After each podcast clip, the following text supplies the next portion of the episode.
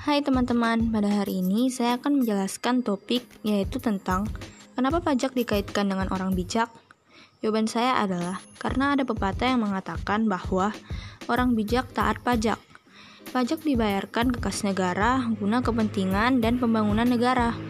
Pajak juga dipakai untuk membayar gaji para aparatur pemerintahan, seperti presiden, menteri, pejabat, polisi, maupun tentara.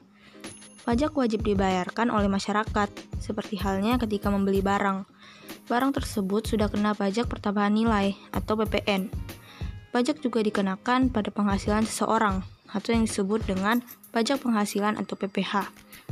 Setelah membayar pajak, uang yang dikumpulkan akan dialokasikan ke anggaran pendapatan dan belanja daerah atau APBD.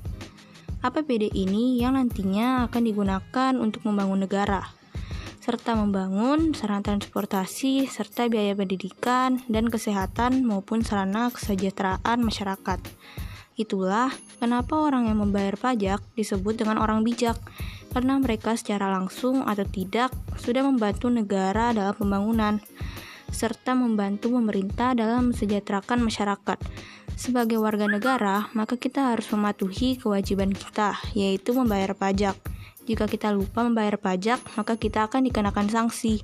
Sekian dan terima kasih penjelasan saya mengenai mengapa orang yang membayar pajak disebut dengan orang bijak.